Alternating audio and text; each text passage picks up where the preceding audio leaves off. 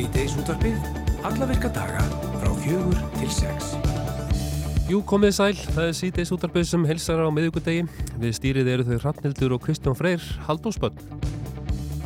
Einmitt það.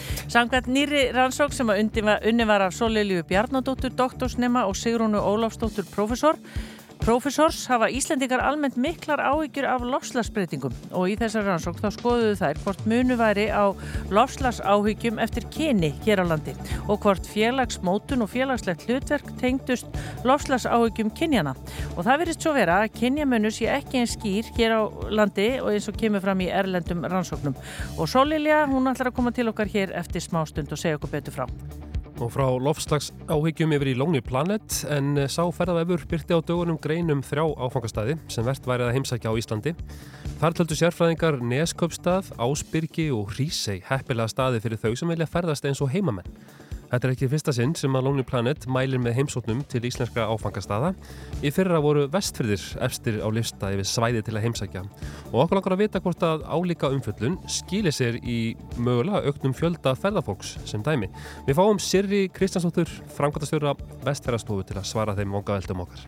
Við sögum frá því hér í gæra að lauruglunar á Vesturlandi og Landtyrkiskeslan leituðu íspjarnar á langjökli en ábending hafi borist um fótspor sem myndi á íspjörn og eitt þeirra sem að las fréttina er Artgrímur Hermansson sem spurði á Facebook færslu, færslu Íspjörn á langjökli er ekki lægi með menn?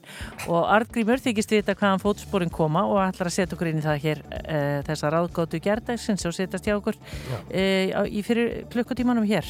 Það setja okkur í spór hérna ferðamanna. Já, einmitt. Eh, KSI hefur óskað eftir því að við, að, að, ós, afsækið, óskað eftir því að, bara. já, KSI hefur óskað eftir því við knaspöndasamband Evrópu að mögulegir heimaleikir íslensku landsliðina á komandi vori verði leiknir ellendis og á bladamannafundi sem fór fram fyrir í dag þá lísti og Haræti þjálfari íslenska karlalandsliðsins í knaspöndum áhuga á því að heimaleikir liðsins í mars á næsta ári færi fram í Malmö í Svíþjóð.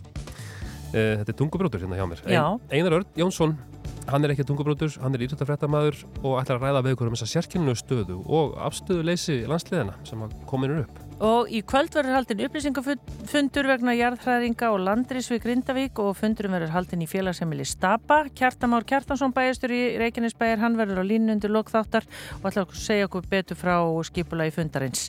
En eins og alltaf á miðgutugum þá byrjum við á okkar manni í Brussel sem að heitir Björn Malmqvist. Góðan daginn og kontu sæl. Komið, komið sæl, komið sæl, sæl, sæl sískinni. Hvað segir þið í dag?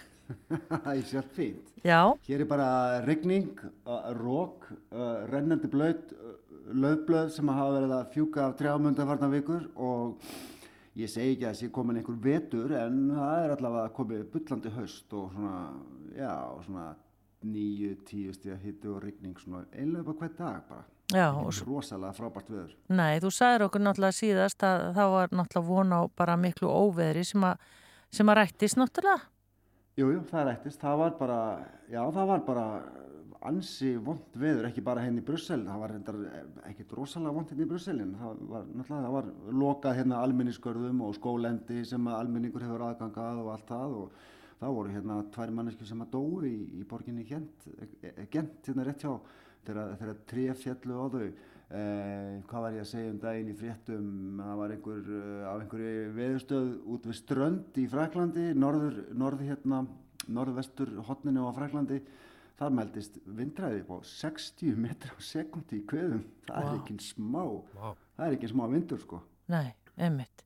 Þannig að haustið er farið að já, já, haustið haustið er virkilega farið að gera vartfissi þetta var eina af þessum stóru læðum sem að sem að reyndar snert ekkert okkur eða ykkur á Íslandi heldur, heldur gekk hérna beintinn í Ermasundið og, og reyndar áhrifin að náðu bara út um alla Evrópu og það voru skóareldar í Spáni sem voru magnaðar upp að miklu vindi, það voru gerðnir á drauða viðvaranir í Króati og Slóeni og eitthvað hvað hvað og hérna flóð á í, í hérna Toskana hér eða á Ítalíu, það var bara, það var bara fullt að gerast hérna.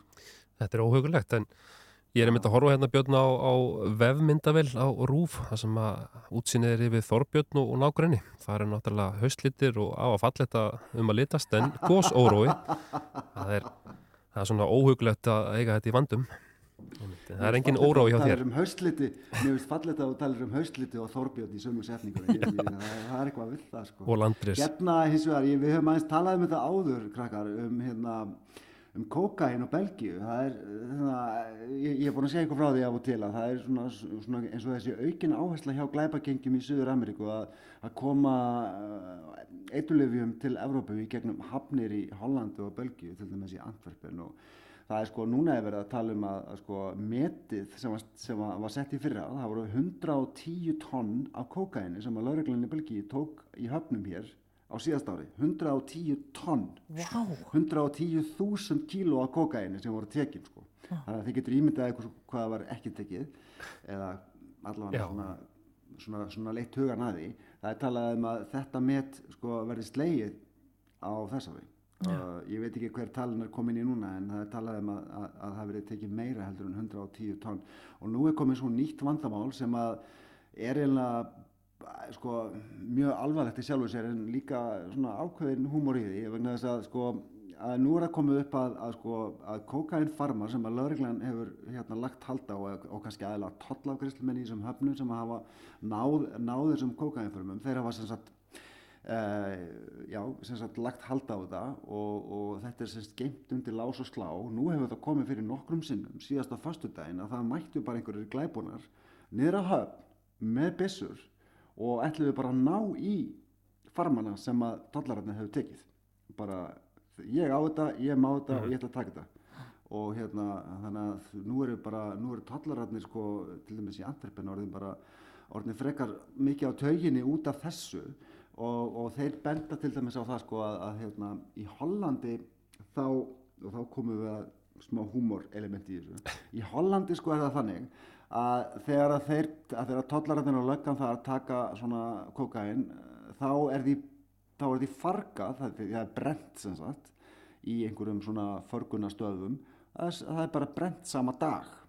Mm. það er bara rókið upp í loftið og, og hérna verður ekkert í náanlegt lengur. En stjórnkerfið í Belgíu er stundum svo flókið. Að það hefur ekki tekist að koma þessu á hérna.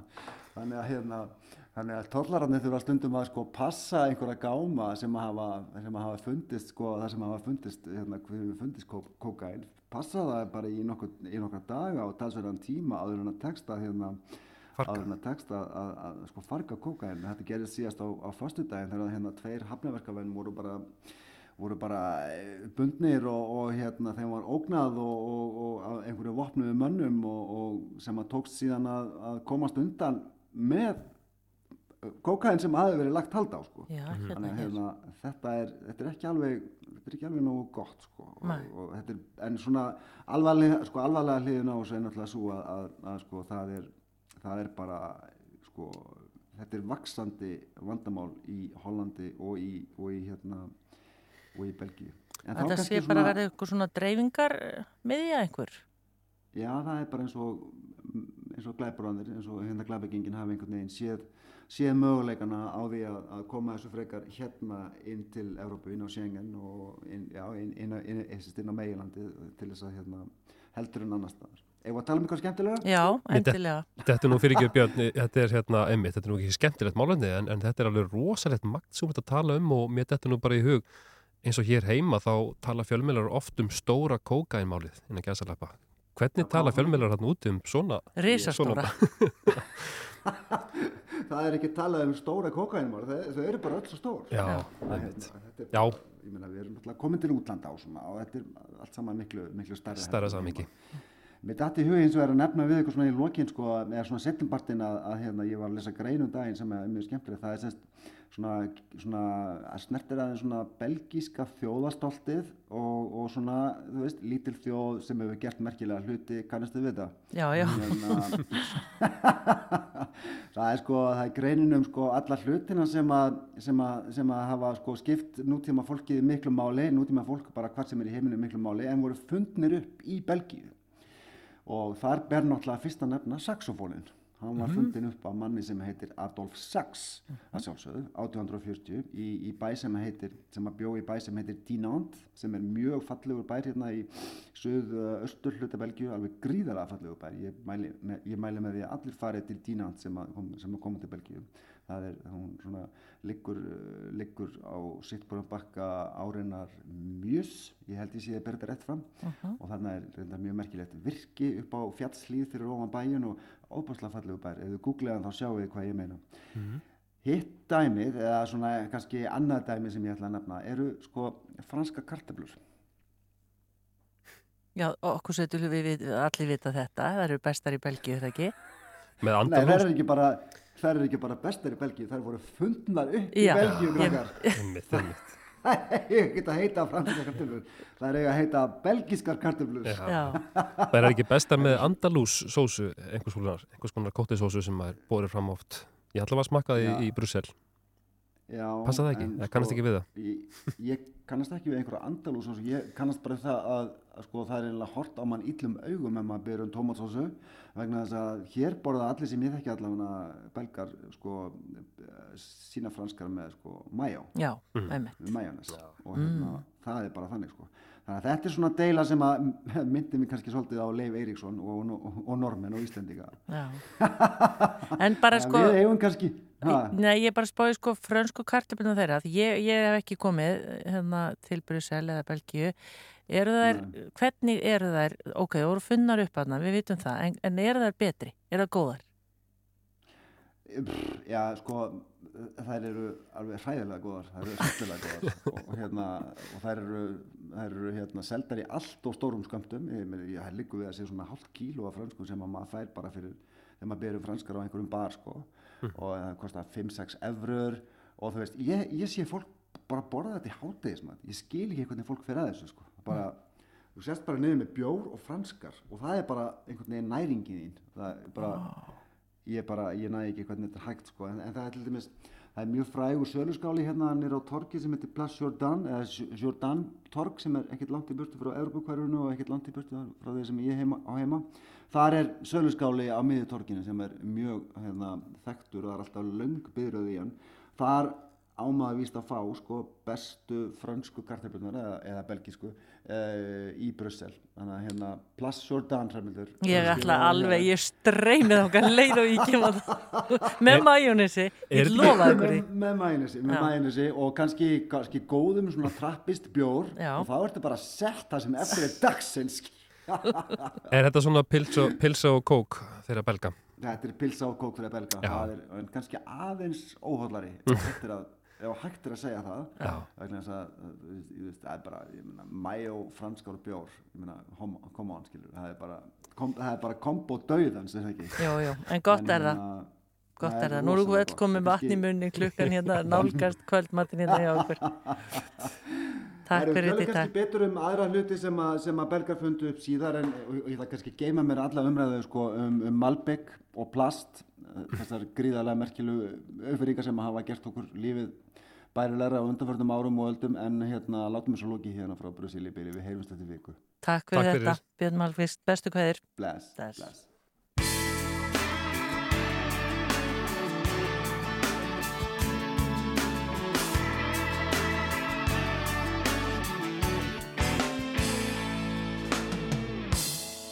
Ljós í myrkri, langt og mjótt. Markar upp að við hjá þér. Allt í einu ertu komin Inn í heiminn lítill dofin Dregur andan Hið fyrsta sinn. Þú ert vorin Vindur hlý Vekur hjá mér nýja kenn Og ég græti gleði minni Þú gefur mér með návistinni Svo miklu meira En trúði ég. Líf, bjómið þinn er skínandi skær so sadly so tight Þegar nokkuð annar áhrifin ótvíræð Ég svíð því ég á þetta líf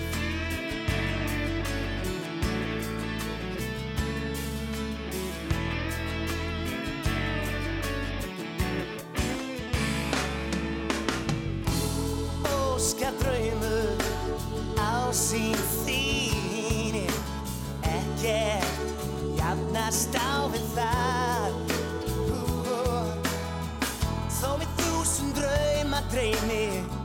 Þessa stund ég alltaf geimi Í minni sinni Og komin á Líf, ljómið þinn er stínandi skær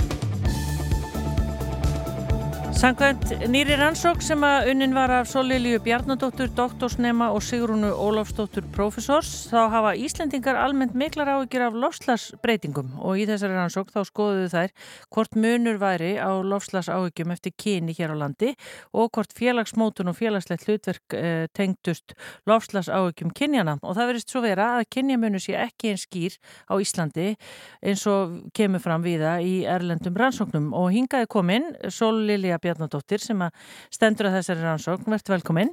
Takk hella fyrir.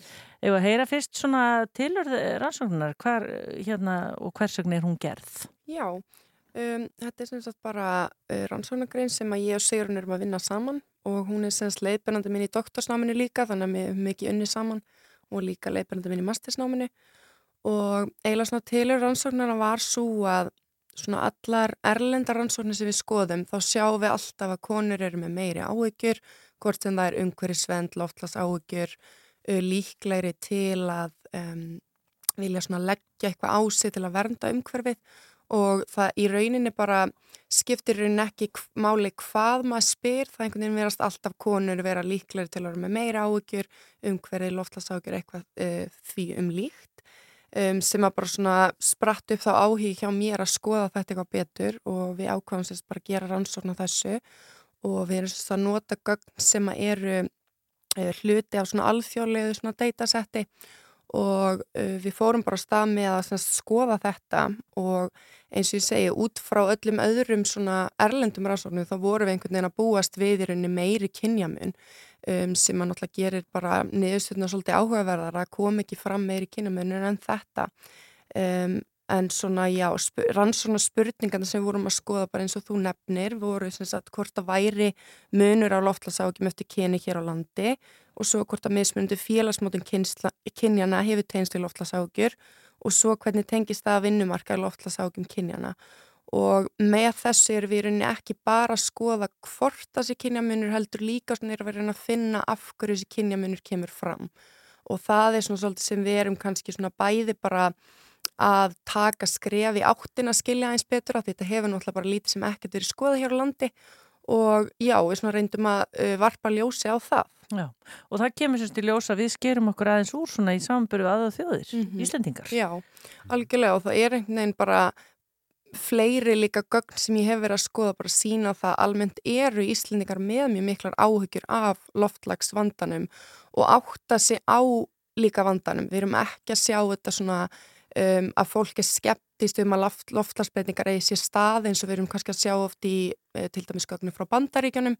Við erum ekki að sjá mikið um það hér á landi og önnur gögn sem ég verið að skoða síndi að það var bara 1% af þjóðinni sem sagði að loftlagsbreytingar eiga sér ekki stað. Þannig við erum að sjá að það er bara rosalega lítill minni hluti sem að trúir því rauninni þó að þetta sé kannski oft eitthvað sem fólk heldur það heyrir, veist, já er ekki einhverju sem að trú ekki á loftlagsbreytingar, það er í rauninni verðist ekki vera það hér á landi þó að við erum að sjá kannski uh, merkjum það annars þar í heiminum og þá kannski helst kannski bandaríkjanum. Já.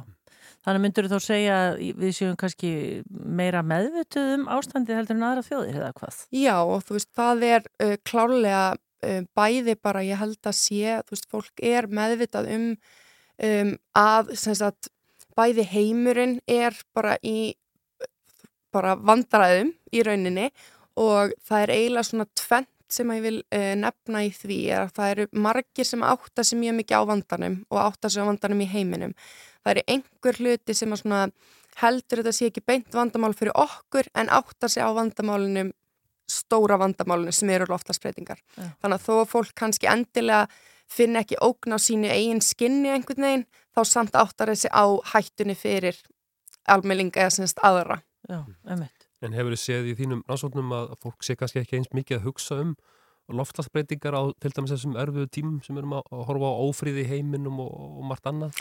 Um, ég get bara í raunin ekki svaraði að svo stöttu um, að því að uh, gögnin sem sérst, við erum með í þessari rannsókn eru frá 2016 Já. önnur gögn sem ég hef mikið verið að skoða eru frá 2020 þannig að í rauninni get ég ekkert sagt nema að skoða það með tölfræðiprói hvort að veist, við erum að sjá einhvern veginn svona síft á viðhorfum um, en það var í mjög áhugavert eins og til dæmis bara núna mm -hmm. uh, það sem er í gangi núna hvort að það sé að hafa einhver áhrif en það þurft að vera einhvern svona langtíma rannsókn Já, en svo sá ég mitt í þessu viðtali við þig í morgunblæðinu að þú vittnar í rannsók sem er gerð þarna 2007 og það virðist að hafa breyst mjög mikið svona viðhörðu síðan þá.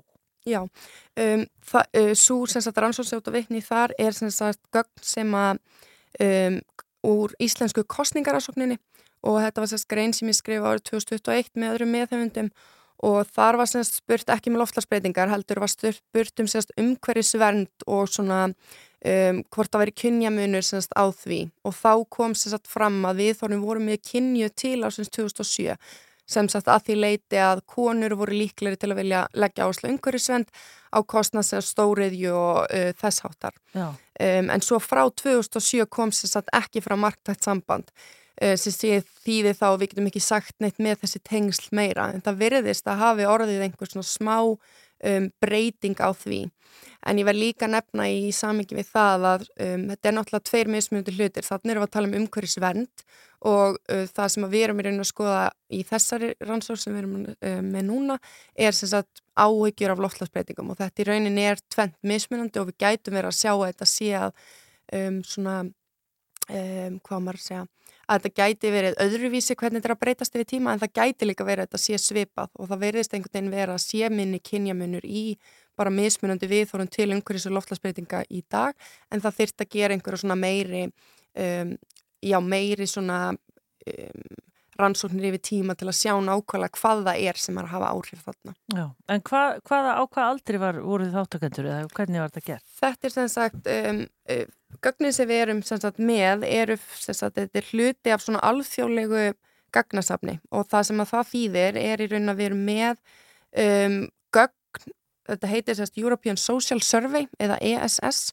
og uh, kanninni eru eins og vandaðast í félagsvístum á heimsvísu og Um, félagsvístasvið sem sagt sapnar gögnunum fyrir okkur og ég fæ í rauninni bara gagnasetti alveg tilbúið og þetta ásens að vera um, representativ eða sem sagt nú maður fann að hugsa já, svo mikið á ennsku þegar maður er svo mikið hérna, þetta á að vera endur, endur spekla sem sagt þýðið já, já. Um, þannig að við erum með aldurshópin alveg frá átján og upp í 92 mhm. um, þannig að við erum að sjá að um, þetta ásens að endur spekla í rauninni þó þetta sé ekki um, þetta er, ég vil ekki spyrja alla Íslendinga, þá er þetta endur speikla við þverskurð. setjað Íslendinga, já. Já, þverskurð. virkilega En Þú áhugavert. segir að Mhm. það sé, eh, hérna, að kemur hérna fram að mikil meirulhuti hér á landi álitið að loftlagsbreytingar eigi sér stað en mismöndi hvort fólk telja að vera vandamál. Heldur að það sé hérna kannski hjá köllunum frekar að, að þeir trúi því ekki að þetta sé mikið vandamál? Um, ég rauninni, sko, það við, út frá því sem við erum að skoða, þá í rauninni virðist ekki vera svona mikill kynjamunur á því sem við erum að skoða. Um, munurinn virðist einhvern veginn vera einhver starf annar starf og um, ég er ekki vissum að sé endilega þannig um, og það sem að þær breyt, eða sem sagt þær, þau tölfræðipróf sem við skoðum er í raun að reyna að finna hvar þessi mismunur liggur. Og þá kemur í rauninni sama í rauninni hvernig við settum kyn inn í líkani þá var einhvern veginn bara ekki að koma fram með þetta sama samband og erlendis sem að er í rauninni bara ótrúlega áhugavert að sjá að um, það er í rauninni skiptir engum máli hvaða spurningar eru spurðar erlendis það virðist alltaf vera konur tilbúnar um að meira áhugjur þannig að það er í rauninni bara virðist vera bara ótrúlega háar áhugjur hér hjá báðum kynjum. Já, virkilega áhugavert. Sólilja Bjarnadóttir, doktorsnemi, takk fyrir komuna, takk fyrir að hérna, gefa okkur aðeins upplýsingar um þessa áhugaverður ansókn og bara takk fyrir komuna í síðan þessu úttarpi. Takk takk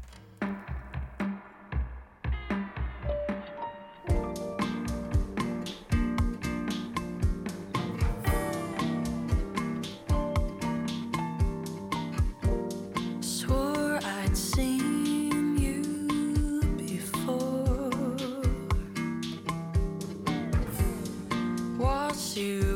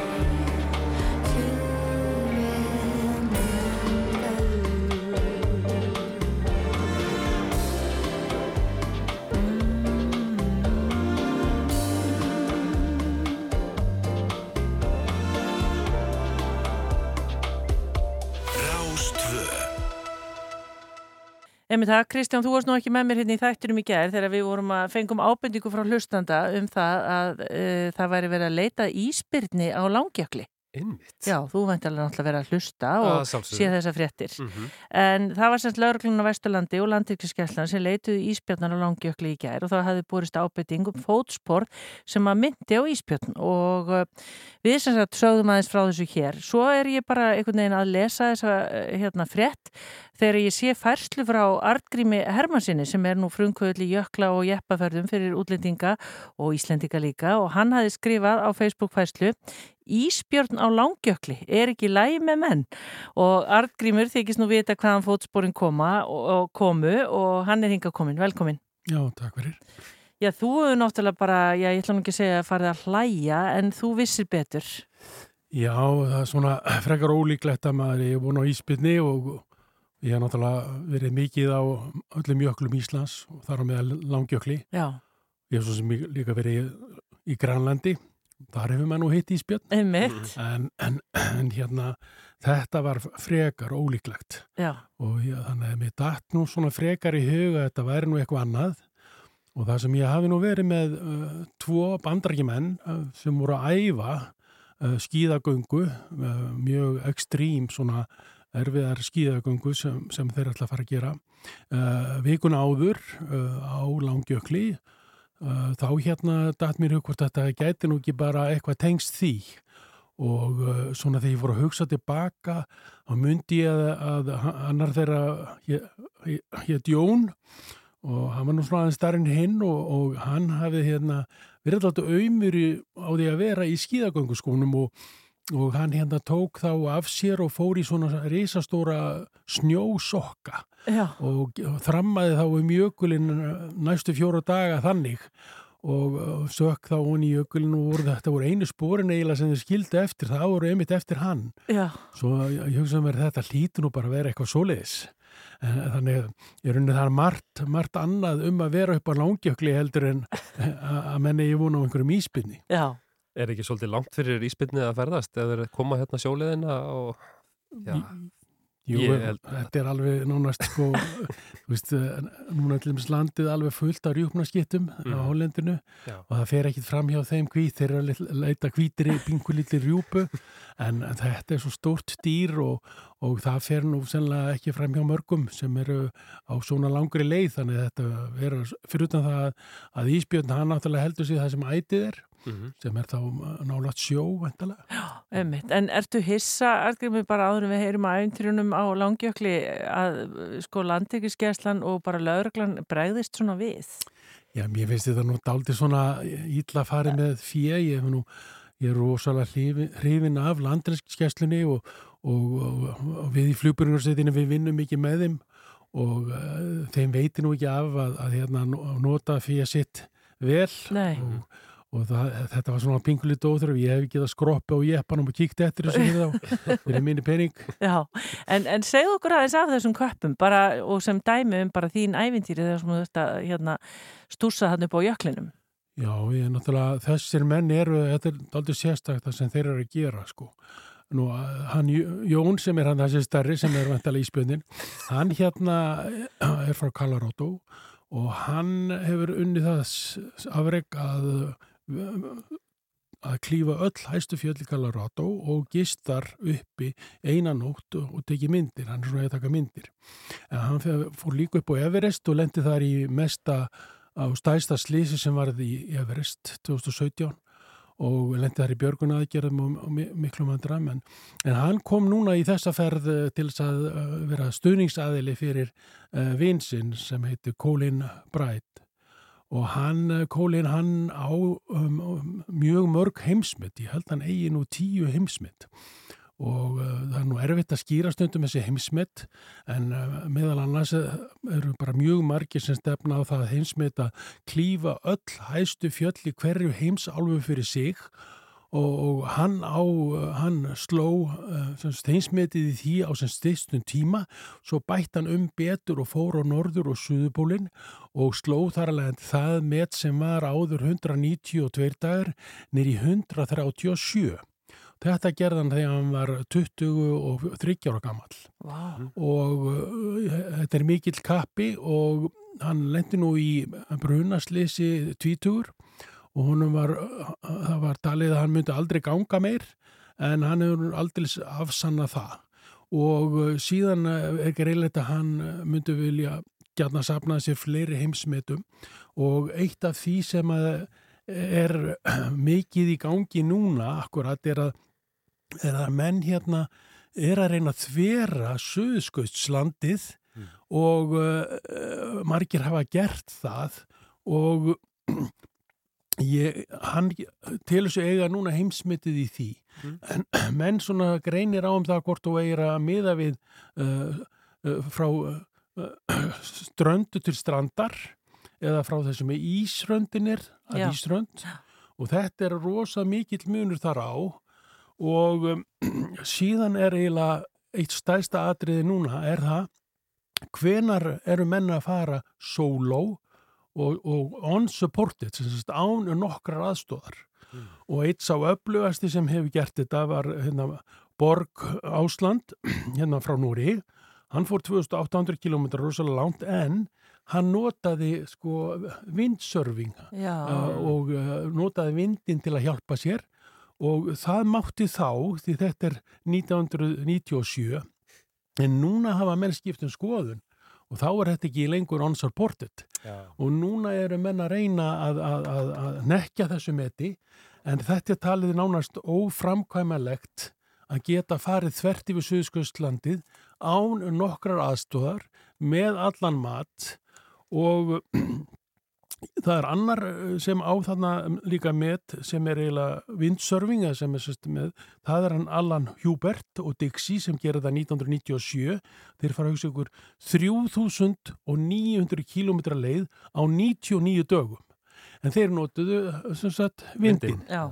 og uh, núna eru menn að slást um þetta og Kólin hann fór 2018 sem sagt, þá fer hann allar að taka svona sólóð þarna 1600 km frá strönd til strandar og þá þegar hann lendir þá er við hliðin honum annar maður sem heitir Louis Rudd og þá kemur ljós að hann er að gera það sama Já. og það er ekkert annað að þeir eru eiginlega við hlið við hlið á hverjum degi að keppum það að þeir eru unsupported að fara þessa leið.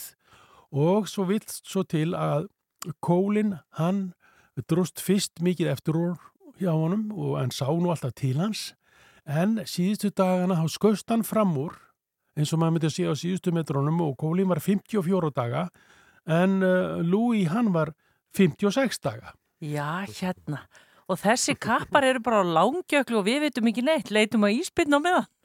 Já, þeir koma hérna, allir þessir sem að ég hef búin að minnast á hérna, þeir hafa komið reglulega á langjökul og það er þeirra síðasti áfangastaður til að æfa sig áður en þeir fara á Suðskautlandi. Af hverju? Af hverju eru aðstæðu bara... Það aðstæður í Íslandi eru mjög góðar í þetta, það er snjór, náttúrulega allan ársins ring á jöklunum, þannig að menn geta mætt hvinna sem þið vilja. En loftslæðið, er það? Já, loftæðin, það er allt í lægi, hún er, hún er mjög svipið á Suðskurslandinu, en það frekar að við fáum þessar lægðir yfir sem eru aldrei blöytar og þeir eru ekki í blöytbúningum, þeir eru sko sagt, í dúnúlpum og slíku og ekki í, í svona reggölum, þannig að ég hef nú ofta því ég er, þegar ég er búin að fara með á upp á langjökul, þá býð ég í Reykjavík eftir því að ég er að sækja þá og oftar en ekki hafa þeir ringt og beðið um láta sækja sig mun fyrr því þeir verður bara búin að vera að gefast upp á þessum brjálaði veðri sem er hérna. Og lúsaði við í fyrra þegar hann var að þjálfa eina stúlku sem ætlaði að setja heimsmet þarna niður úr að, að hérna eigilega þá eigilega þyrti maður að fara til Suðskurslandsins fyrst til að geta klára sig á Ísland Já, það var eiginlega besta heimingin En heldur þú, Argrimur, að, að Jón Ketrovski muni skilja eftir sig eh, sokka fyrir fótsporin með sögurskotið? Uh, já, það er, ég er alveg viss um það, náttúrulega, því að, en, en þeir eru ekki búinir þessi menn, þeir eru, hann, náttúrulega, Kólin er mjög ungur, hann náttúrulega fættur 85, hann er 38 ára í dag og uh, hann, uh, Jón er uh, 42 ára Já. og þetta er mjög ungi menn í þessu því þetta er svona marathón, þetta er, þetta er marathón verkefni sem þeir eru með. Vá. Þetta er það ungi menn, ég ætlaði nú að fara að leysa vandam, leysa ráðgátana um stórfót hérna í beinni en þetta er greinilega ekki Jón Ketróski sem á heiðurinn á því, þeim spórum á sínum tíma. Nei, hann var nú gaman að hann Helgi Björnsson Jöklafæraðingur kommenteraði það á fæsluna og hann kom með þess að hugmynd þetta væri nú bara hérna stórfátur frá, sem að allir vera að leita að Einmitt. í Nepal og, og Himalaya Já. fjöldunum. En ertu, sko, nú er það síðasta spurningin, ertu búin að segja þeim frá því að það hefur verið leitað í spynni? Ég, ég sendi hérna með það til þeirra í gærin og ekki búin að fá svör, ég býð mjög spenntur eftir að fá svar frá þeim. En Kólin hann er núna í Tansaníu, það er eitt hæsta fjallið í þeirri heimsálfu. Og uh, ég, hann vill ekki segja mér hvað hann er að æfa fyrir. Uh, það er leyndamál en þá því að þeir eru svo hrættur um að einhver annar kom og stili Hugmyndinni? hugmyndinni svo ég get ekki nefnt það hér en ég er með ákveðna hugmynd og, og uh, ég má ekki tilkynna það fyrir hann að leggur á stað Já, þá ringjum við í því. Takk fyrir komin að hinga Argrímur Hermansson, uh, frumkvöðli Jökla og Jeppaferðum áhugavert og frábár og ég hveti ykkur til að lesa fæslunas Argrímsfæði í ger á Facebook. Takk fyrir komina. Sumulegist takk. You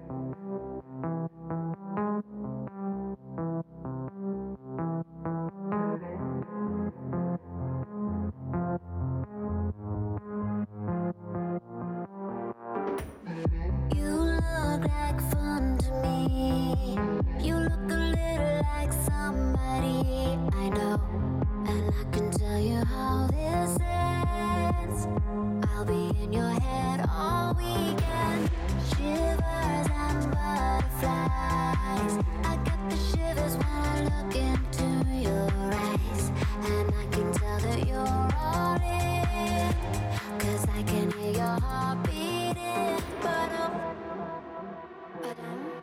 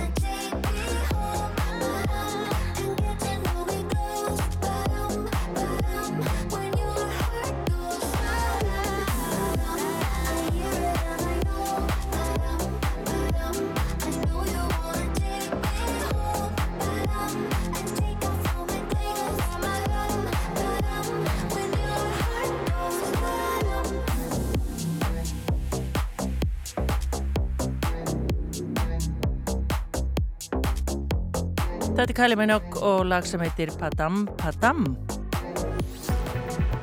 Veðurhorfur næsta sólaringin. Jæja, Kristján, ertu með kúluna fyrir fram að þig? Heldur betur. Á ég að fara yfir Já, segja okkur. horfur hvernig. næsta sólarhingin. Norðaustan átt 8-15 metrar á sekundu en 15-20 suðaustan til. Rigninga slitta með köplum um landið, uff.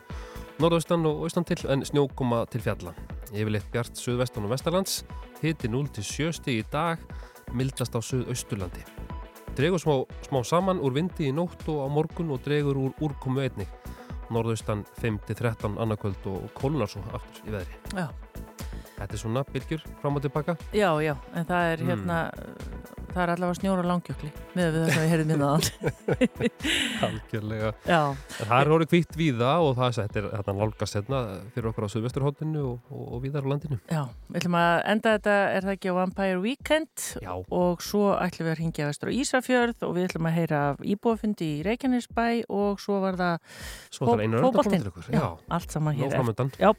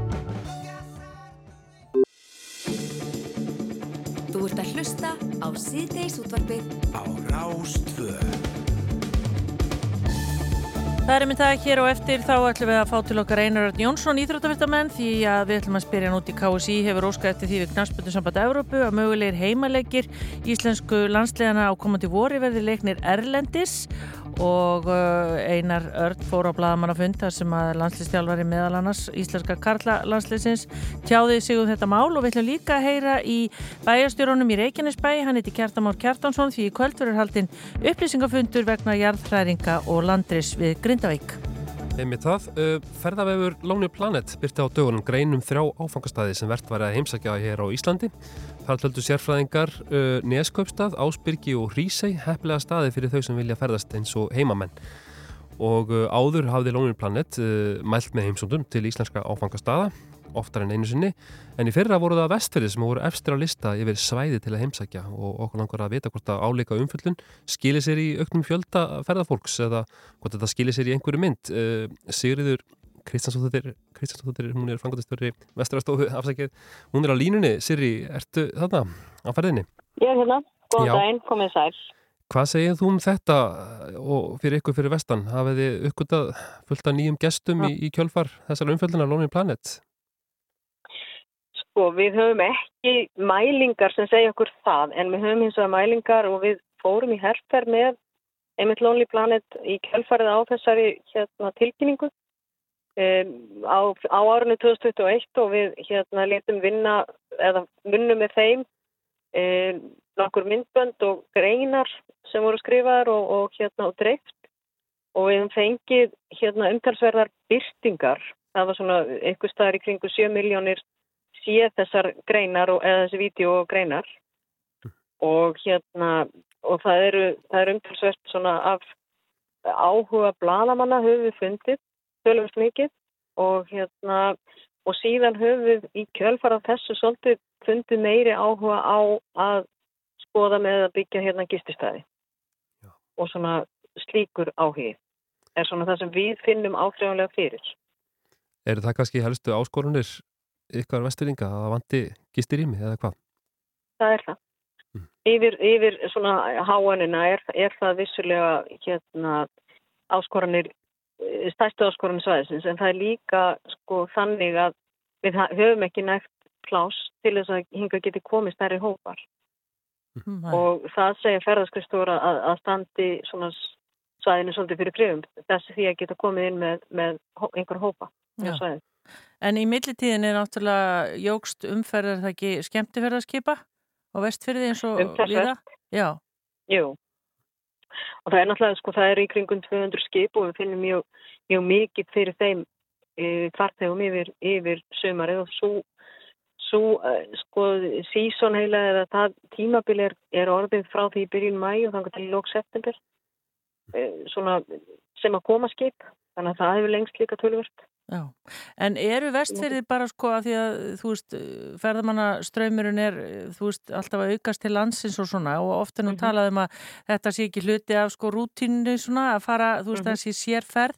Hvernig er það núna? Breytist það kannski svona í hugum fólks að, að eh, þetta sé svona svolítið með inn í rútínu sem við ætlum að fara ef við komum til Íslands? Vestfyrði. Ég, við höfum verið að búa til sko, ferðarleiðina sem við köllum hérna, vestfjörðarleiðina, The Westfjords Way, en hérna, e, og hún er hugsuð svona, það kom upp, hugmyndin byrjaði með okkur köllum við þetta ekki hringbrug 2. Núna þegar að, leiðin verður á bara næstu örfám árum alveg orðin hérna, já, mannbygguð og góðir vegir, að þá er þetta mjög hérna, góður valkostur við hringveg 1 að fara vestfjörðarleiðin. Þetta eru 950 kilometrar frá, í raun, frá því beigir út af upp á Brettubrekku Mm. og þegar þú kemur í raun af staðaskála. Og það, sá ringur er í raun vestfjörðarleiðin og með svona alls konar útúrdúrum eins og upp í Árnesrepp og, og í Torpin og bæina og, og svo framvegis. Sko. Þannig að það er svona leiðin sem við viljum svona benda fólki á sem valkost. Það hafa auðvitað orða, orðið hérna, heilmiklar samgöngubætur það ekki á vestfjörðum síðustu, síðustu ár, dýraferðargöng og margt annað þannig að þetta er svolítið alltaf að minka. Hefur hafið tekið eftir því að, að íslenskir ferðamenn séu í auknum mæli að ferða, ferðast yfir á vestfjörði? Mm, Já, sko, íslenski ferðamenn eru veðurferðamenn. Við erum veðurfólk og það fer bara, það er bara þannig að, að við förum eftir því hvernig veðurspáðan segir hverju sinni. Og mjög mikið af Íslendingum eru náttúrulega að ferðast í, í hérna, á, með hjólísi og, og ferðavagn alls konar og þeir fara bara það sem veðrið er. En við finnum eins og að fyrir því og það hefur verið umtalsverðu umferð til dæmis af íslensku ferðamennum í tengslum við, við veturinn við skíðaferðir á, á Ísafjörð og strandir og, og, og fleiri staði. Mm. Það er líka, líka nýjar vörur sem hafa verið að vinnast núna síðustu árum. Já, en, en rifja þessu upp fyrir okkur, sko, Siri, hvernig eh, vinna þeir þetta hjá Lonely Planet? Þess að núna velja þeir Neskustad, Ásbyrgi og Hrísei og þar Mhm. áður voru það þið. Hve- Hvernig er þetta unnið? Sko, mér skilst, eftir því sem mér skilst, þá velja þeir e, svæði, þeir velja borgir og þeir velja lönd og stilla upp á sem sagt lista sem það yfir hérna, það sem velja 1-10 skilst mér eða eitthvað svo leiðis sko. Og hérna þeir velja þetta með, þeir koma á svæðin, þeir skoða þeir hérna það teki, stundum teki á móti en stundum gera þetta bara á hérna eigin vegum. En það er fólk frá þeim sem fer út um allan heim og skoðar svæði og, og við til dæmis okk valið á vestfjörðum var e, út af hérna, út af því hversu í raun ja, fáment kannski ferðamannarsvæði við erum og, og, og út af sjálfbærni ferðarþjónustunar Já.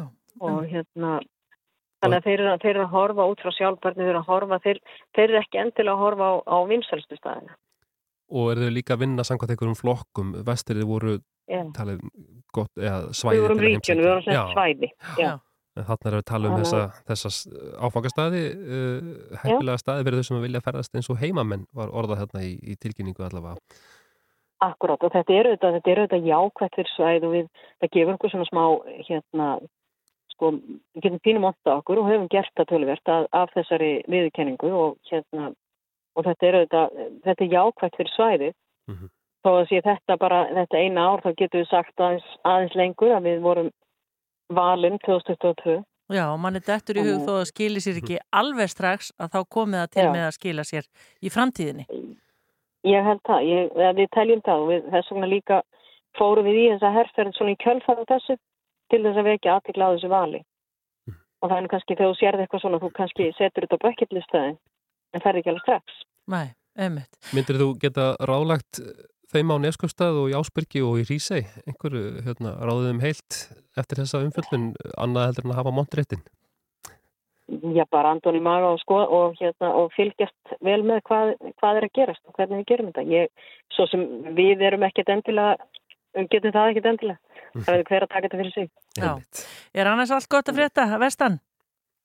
Herðu, það er bara hérna, ég er hérna í sólablíðu að koma niður af, af ótrúkshálsi á sunnanverðu vestfjörðum sem er einn af fáum stöðum á vestfjörðum sem er ennþá ekki malbygga á vestfjörðarleginni. Já. Þannig að hérna, en alveg dýrlega fallegt sólsetur hérna sem við erum að horfa á þannig að þetta getur ekki verið fallega. Og þú er búin að fara yfir nýju þorskafærabrúna.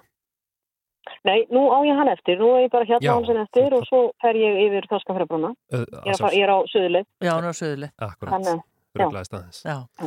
Já, ég er bara að slakka mikið til. Já. Ég skal fara nýja kaplanum til nýjöldsveginni núna, þetta er alveg dýrlegt. Þetta er dýrlegt. Bara gangi ykkur vel, fara varlega, Siri Kristjánsdóttir, Frankatustur í Vestfjörðastofu. Takk fyrir spjallið og bara áfram Vestfjörðir. Takk. Takk. Takk hérlega. Verðið bless. Síðdeis útvarpið, alla virka daga frá fjögur til sex.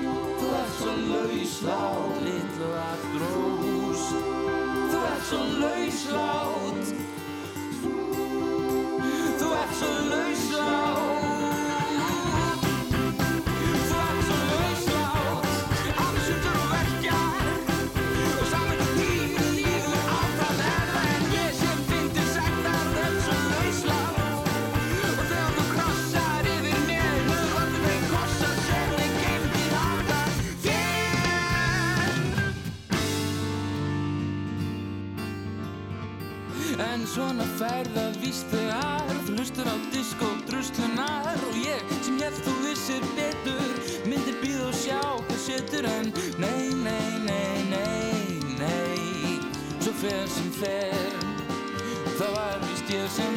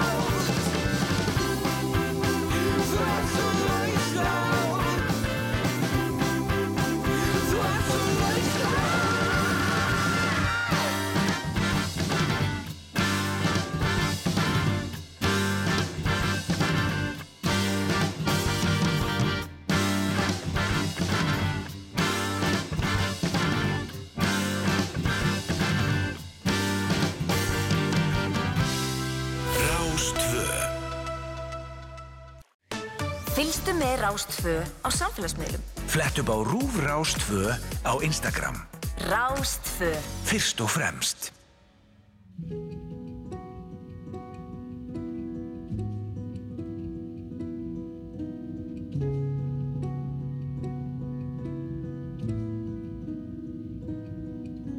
Truth is bulletproof, there's no fooling you. I don't dress the same. Me and you, you say hours yesterday have gone our separate ways. Left my living fast somewhere in the past, cause that's for chasing cars. Turns out open bars lead to broken hearts and going way too far.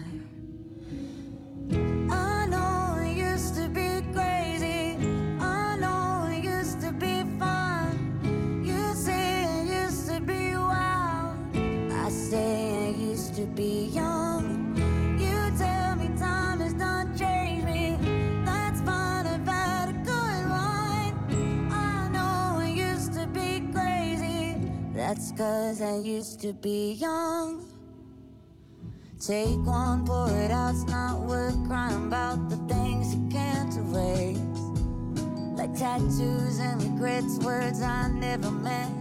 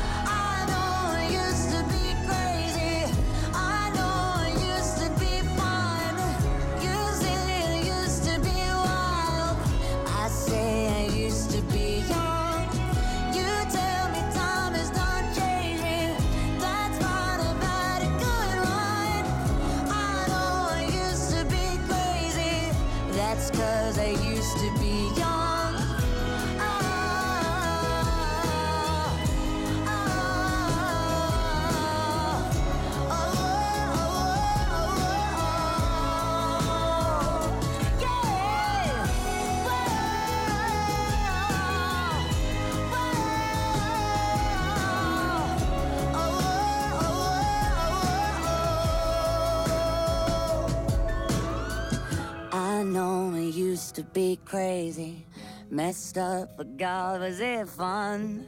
I know it used to be wild. That's cause I used to be young. Those wasted nights wasted. I remember everyone. I know I used to be crazy. That's cause I used to be young.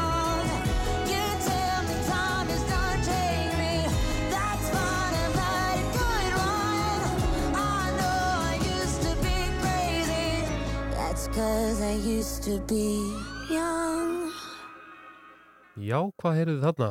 Miley Cyrus. Að sjálfsögðu. Já, já, já. Mhm. Miley Er okkar. eina sanna. Mhm. KSI hefur óskað eftir því að við knastbundarsamband Evrópu að mögulegir heimaleikir í íslensku landsliðina á komandi vori hefur verið leiknir erlendis og á bladamannafundi sem fór fram fyrir í dag svona, ég þetta hafi verið fjarfundur á netinu, þá lísti landslistþjálfurinn því að, að hérna, lísti áhuga yfir því að, að heimaleikir liðsins í mars á næsta ári færi fram í Malmö í Svíþjóð Einar Rödd Jónsson, þú ert búin að kynna þetta mál og, og skoða þetta mál með okkar þjóðar völl uh, hvernig er staðan, þetta, þetta aðstöðuleysi erum við bara að fara að horfa það að, að við þurfum að fæðast um allan heiminn þegar hún andilanga til þess að sækja heimaleikinu okkar Já, það bara virðist vera orðin staðan, eða virðist ekkert vera, það bara er staðan. Mm. Eh, Laugardalsvöllur er já, nokkura mánada á ári völlur, þú getur bara notað henni eiginlega frá góðu ári, april Mm. og fram í nóvember eins og er núna en þannig náttúrulega með miklum tilkostnaði. Februar og mars er bara alveg út úr myndinni. Það er bara ekki hægt að spila á, á þessum velli hér á landi fyrir bara veðri og vindum á þessum ástíma og þetta er sá ástími sem að umspilsleikir eru að færast á núna í nútímanum. UEFA er bara breyta svolítið sínu keppnistagatali og það virðist vera bara til frambúðar þannig að ef, að- ef að við ætlum ekki að vera eina af stóru þjóðunum sem að tryggja okkur inn á hvert einasta stórmót bara með vinstri, að þá eru umspilin svolítið okkar leið og þau eru í februar-mars sem að þýðir að við spilum utan Íslands. Þannig að við vorum í vondum málum en nú erum við í virkilega vondum Já, málum. æ, þú veist, þetta er svo pyrrandi, það er búið að taka núna, það er búið að ræða á borði stjórnmálana, ég veit ekki hvað lengi að við þurfum nýjan, nýjan þjóðarleikvang, við þurfum nýja þjóðarhöll, þessi leikvangur og, og þjóðarhöllin sem við erum með er að detta bara í, í ellilíferisaldur. Já. Þetta er að verða, þetta eru rúmlega 60 mannvirki að detta í, í sjötugt og eiga að vera bara ekki starf á tenni að njóta lífsins. og, það, og svo, svo pyrrandi, það, búið- það búið að vera benda á akkurat þetta svo lengi. Það Mhm. kemur að því við þurfum að spila okkar leiki utan landsteðanna. Já. Og þá náttúrulega koma einhverjir, eh, einhverjir stjórnmálamenn og já, þetta er náttúrulega hræðilt, við þurfum að gera eitthvað í málunum, svo gerist ekkert í málunum. Mm. Nema einhver Og nú- yfirlýsing, Og nú er þetta bara komin. Nú erum við hver- bara komin, komin að þessu. Það er bara fjórir mánuðir í að við þurfum að spila utan Íslands. En einar, uh, við höfum talað um að þetta sé of lítill völlur eða það er að segja stúkan og, og það vantir stærri völl og, og, og, leikvang uh, uh, en, en veðrið verður náttúrulega bara alltaf á saman ekki eða það breytist ekkit í því Hva, hvað breytist Nei. í aðstæðum?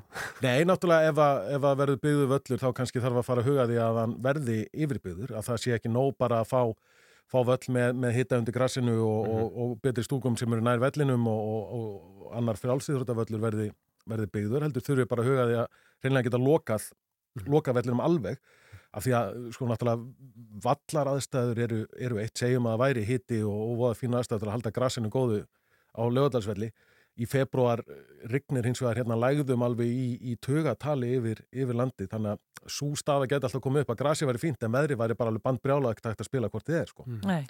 En á þetta bara við kallalandslið? Nei, þetta eru, þetta eru bæði kalla og kvennanlandsliði. Kallalandslið þeirra umspil er í lok mars ef, ef að fer sem horfir að þeir endi, endi þar. Kvennanlandslið ef að þær enda í sínu umspili, við náttúrulega vonum að þær tryggir sér bara beint inn á, inn á móti og losni við umspil. En ef að þær lenda í, í sínu umspili þá eh, er það í februar. Já. Og þá er spilað heim og að heiman, þannig að það verður alveg pottið leikur sem að, sem að heimaleikur leikur Ísland sem að getur þá ekki farið fram hér á, hér á landi. Það er, það er dreigið í umspilið eh, í, í semst út úr þjóðadeldinni hjá, hjá strákanum, hann getur, það er ekkert uh, útilokað að við fáum bara ekkert heimaleik en, Já. en það er alla líkur að við fáum minnst okkur einn heimaleik ef við erum að fara í gegnum tvær umfyrir af umspili til að komast á, á EM. En þetta skiptir okkur gríðarlega máli því að, að okkar lið eiga náttúrulega að, já, meiri séns á heimaleikjunum að, Já. að sigra þá. Já, og bara eins og leikmenn hafa nú oft sagt eh, eins mikið og hefur rætt um lögadalsvöld hvað, hvað hlaupabrautin sé nú eitthvað pyrrandi Mm. og áhörundu séu of langt frá og eitthvað, þá er þetta samt mikið víi fyrir bara íslenskt fótbolta fólk. Það er búið að alast upp í gegnum áratugin að fylgjast með sínum hetjum spila á þessum velli og svo spila það sjálft á þessum velli og upplifir jákvæði augnablík á þessum velli. Hann er, er svolítið víi fyrir, fyrir íslensku landsliðin og að sjálfsögða á meðan hann er hérna þá viljum við að liðin okkar spili á, á þessum velli Já. og sérstaklega svona mikilvæga leiki þar sem það getur skipt sköpum eitthvað svona lítið óutskýranlegt sem að gerist í leikjum á, á heimavelli sem að gerist síður á, á útivelli. En er einhver sérstök ástæða fyrir því að landsliðsjálfurinn nefnir Malmö í Svíþjóð, veist það? Já, hann hefur bara mjög góðar, góðar reynslu af Malmö. Hann þjálfaði í Malmö, hann þjálfaði annað sænslið sem að vann í Malmö, hann þekkir vel til þar. Eh, Það er ótrúlegur fjöldi af Íslendingum á stór kaupmannahafnar Malmö svæðinu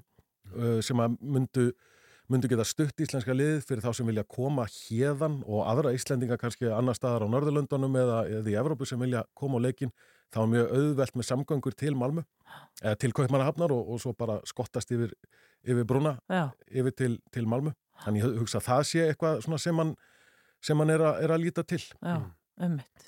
Hafa aðri kosti verið nefndir eða ekki? Já, Manchester var, var nefnt og þá Akademíuvöllurinn hjá, hjá City þar sem að kvennalandsliði spilaði tvo af heimaleikjunum sínum Mhm. á EM e, fyrir rúmið ári síðan e, sem er náttúrulega hendar að, að vissu leiti ágætlega en kannski ekki alveg auðvelt fyrir, fyrir Íslendinga að ferðast ángað en, en og er verið allavega að vera hrifnari af því að spila spila í Malmö og það er svo sem ekkert sem segir að kall og kvennalandsliðin verði endilega að, að velja sér sama staðinn til að spila. Nei. En svo er þetta líka, þetta er ekki eitthvað sem að KSI sest niður og segir bara, er þetta flott, við ætlum að spila í Malmö. Nei. Það þarf að, að ræða þetta við viðegandi rekstraræðala vallarins og knarsbundu sambund og UEFA og, og svo fram og tilbaka. Nú hefum við svo góða minninga frá, frá hérna uh, á Evropamótinu 2016 að hafa unnið englendinga hérna í Nýs. Getum við ekki valið þann Já, hvernig væri það? Það væri bara ljómandi fínt að fara til Nýs. Hann er á, hvað, á meginlandsmæli hvað er ekki droslega stór, Nei. flottu völlur, Mhm. söðræn stemning við miðrarhafið Góðar minningar. og góðar minningar af, af þeim velli. Já. Jú, er það ekki, við fleitum því hérna upp, við Já. að spila í Nýs. Fara bara með allt batterið þangað og Já. spila þar á. Já. Takk Einar Örn fyrir að setja ykkur inn í málinn. Við skoðum þetta síðar.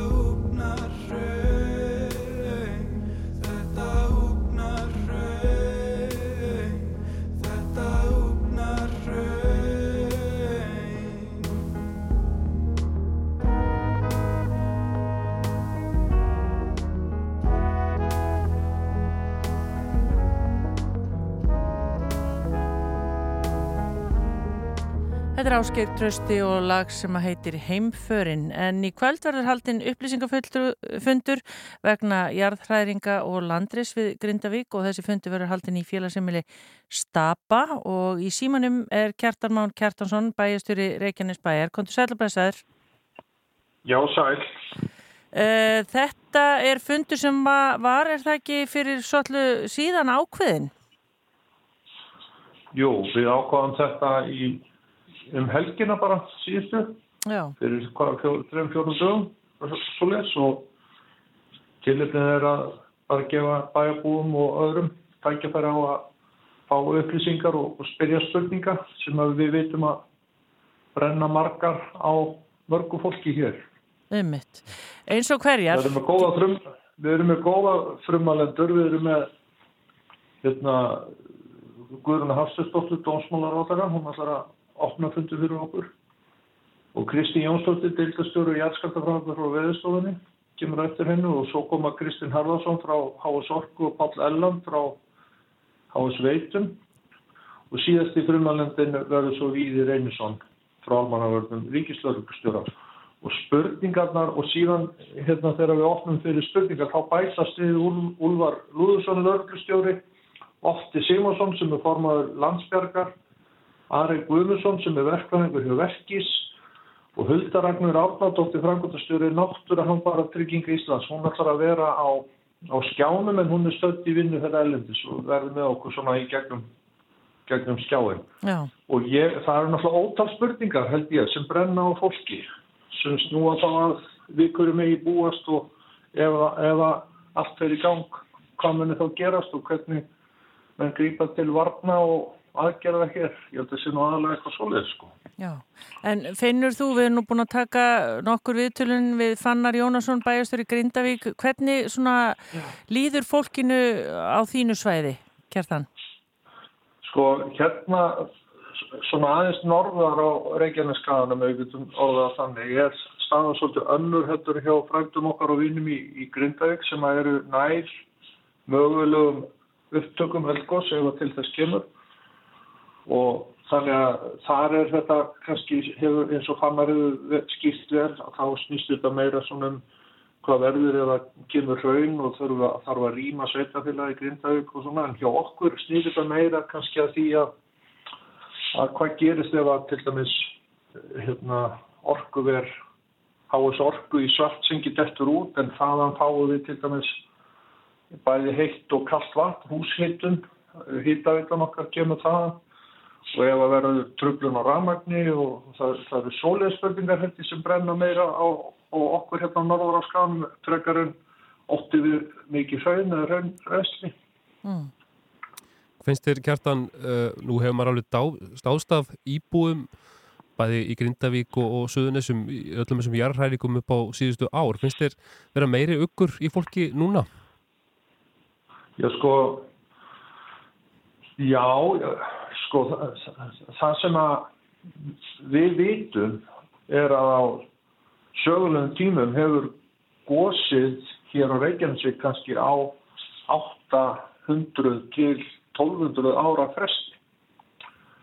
Og það er einhvern veginn svo langt frá okkur að við höfum ekkert verið að hafa miklar áhugir af því svona dagstaflega en núna virðist og það segja sérfæðingar núna virðist svona ný lota nú er liðin 800 ára frá því gauð síðast og nú er að hefjast ný lota sem gæti varað í nokkur árið eða jafnvel ára tugi og það kannski svona er ný raunveruleiki fyrir okkur sem búum hér annars á þessum fallega skaga uh, að horfa stjögu við og fólk hefur áhyggjur af því já.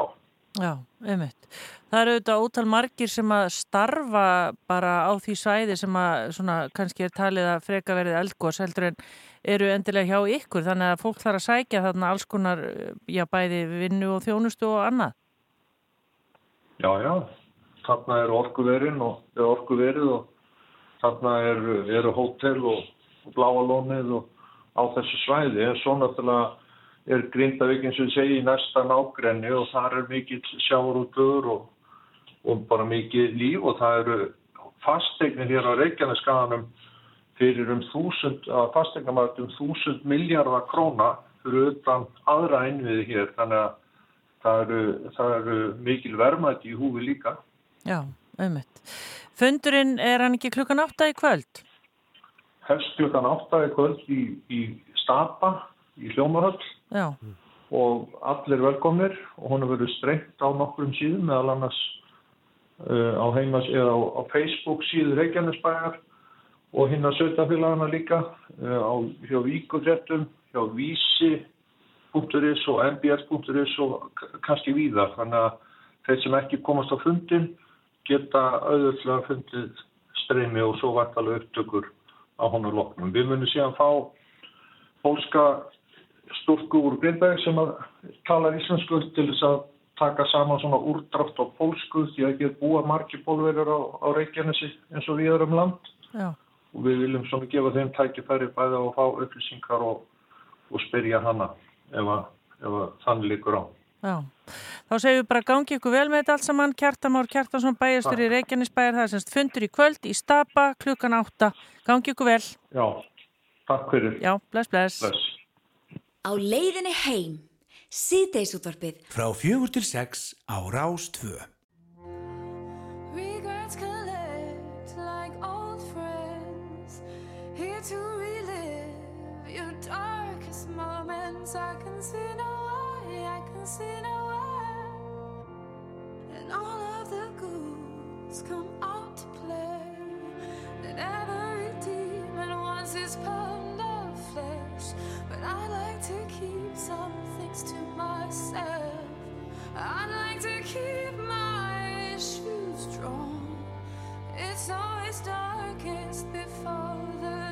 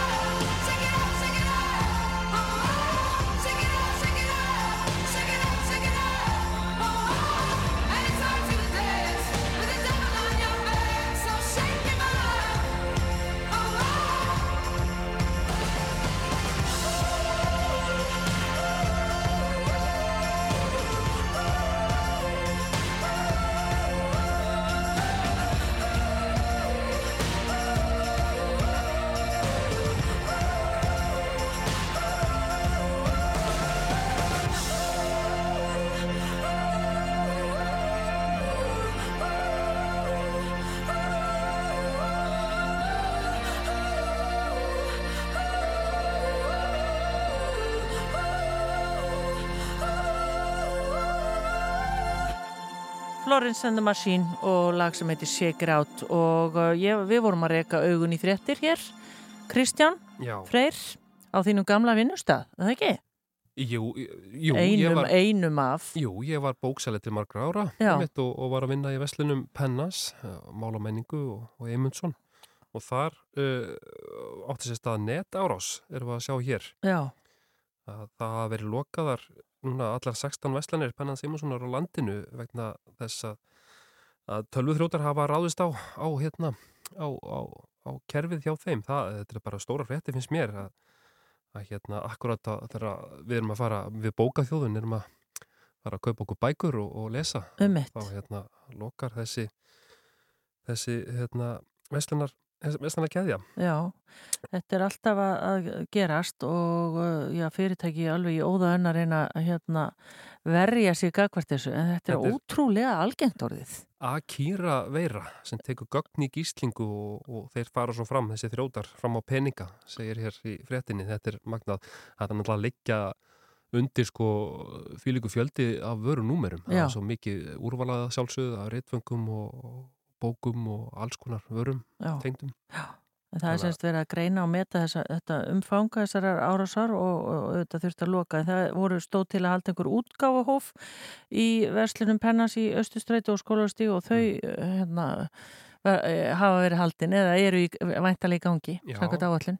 Akkurat, þau kannski taka fram hérna gamla strau hérna til að strauja kortin Já, þú þér þeim? meinar, já, smellir henni inn. Já, smelt inn og, og, strauja svona gamla mótan Já, eða treysta viðskiptavinnum og skrifa niður bara bankanúmer og fólk leggur inn. akkurat. Það Það- líka verið. Akkurat, það er svo mikið á góðum, góðum hérna, viðskiptavinnum sem Já.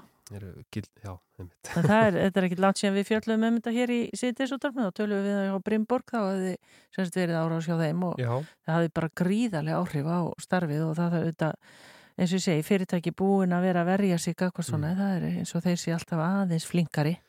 Ha, þrjótarnir. Já, internetið er ekki þessi bóla eins og talað um Nei, það hefur algjörlega verið staðfest. Tryggja sér í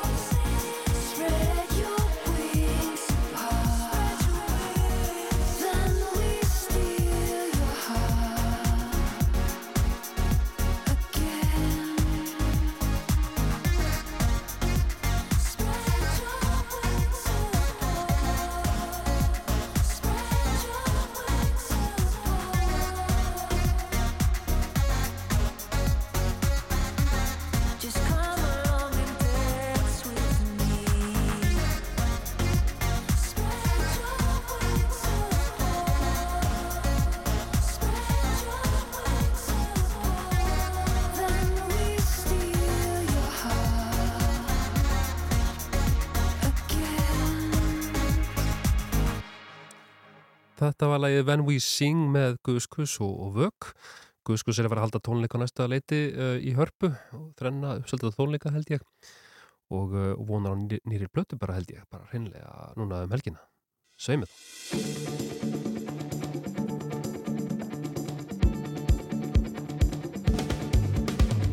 Þá erum við bara komin á leðrenda hér í síðdeisútöfnu á Rás 2 og við ætlum að minna á það að í kvöld vefti kiljuna, það er náttúrulega fastur sess hjá mörgum að setjast í sófan á miðugutaskvöldum og horfa á kiljuna. Svo sannlega. Já, en að því loknu þá verða afhendingu íslensku mentavelunna á bestastöðum. Það er veluna fyrir framhúsgarandi skólastarf, menta uh, umbætur og þróunaverkefni og þetta.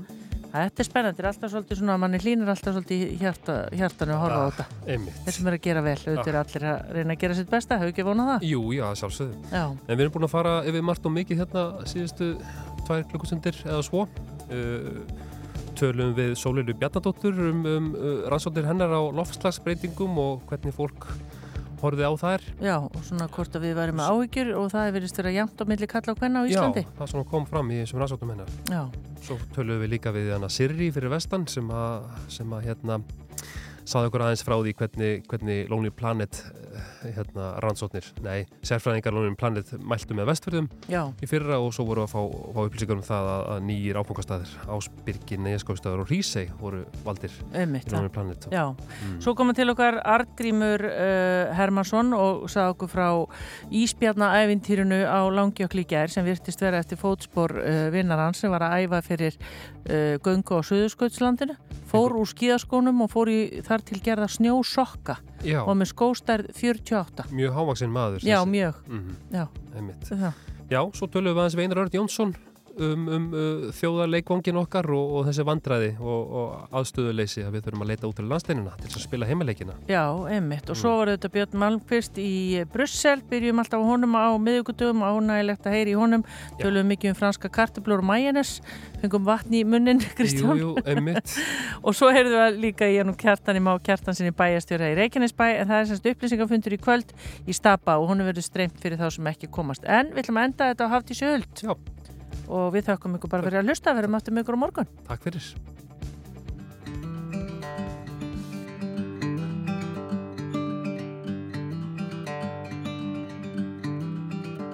It was cold, it was dark, no spark, not a flicker of hope. They left him to freeze on his knees and they were back on the road. They said the sea would take him, and who would listen then? Is that what you get when you stand up for your fellow man?